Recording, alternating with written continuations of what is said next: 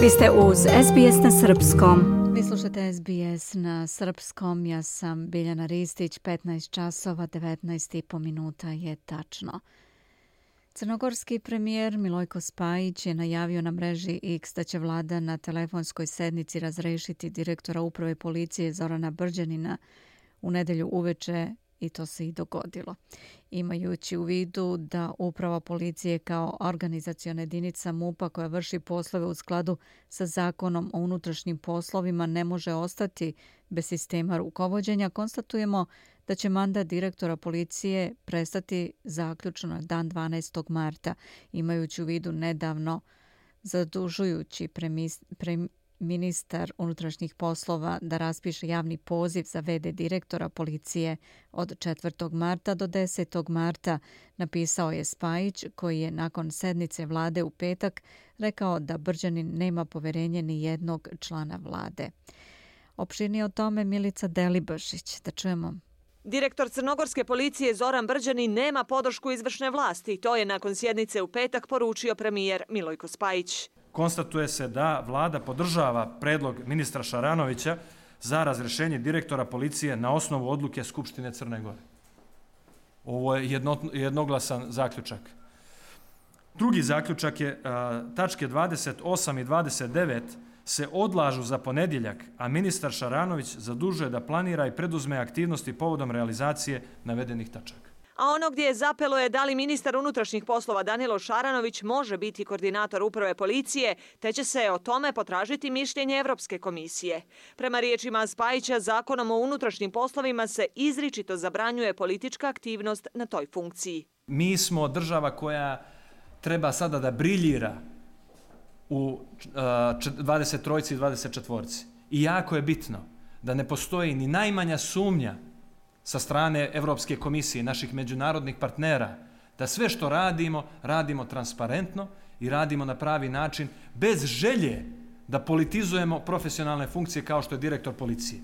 Ja kao premijer neću dozvoliti apsolutno nikome da se ugrozi na bilo koji način dobijanje Ibara koje treba da se desi ili u maju ili u junu ove godine. Vrlo brzo nakon premijera posebnu konferenciju za medije u petak održao je ministar Šaranović. Umeđu vremenu se, kaže, čuo sa evropskim komesarom Oliverom Varheljijem, od kojeg je vlada dobila podršku u namjeri da policija bude maksimalno operativna.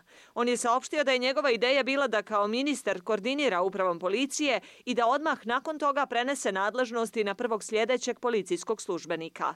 Napomenuo je i da je predložio četiri kandidata za direktora policije.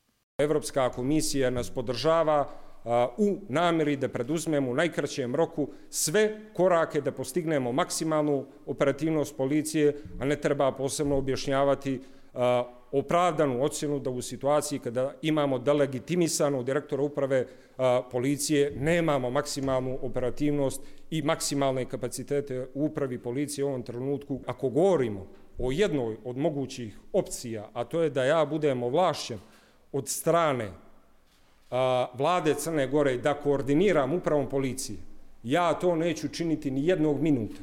Upravo da bi se zaštitila politička ideološka nepristrasnost uprave policije, već ću isto ovlašćenje prenijeti na pomoćnika direktora a, uprave policije. Tako da, tako nešto je potpuno jasno.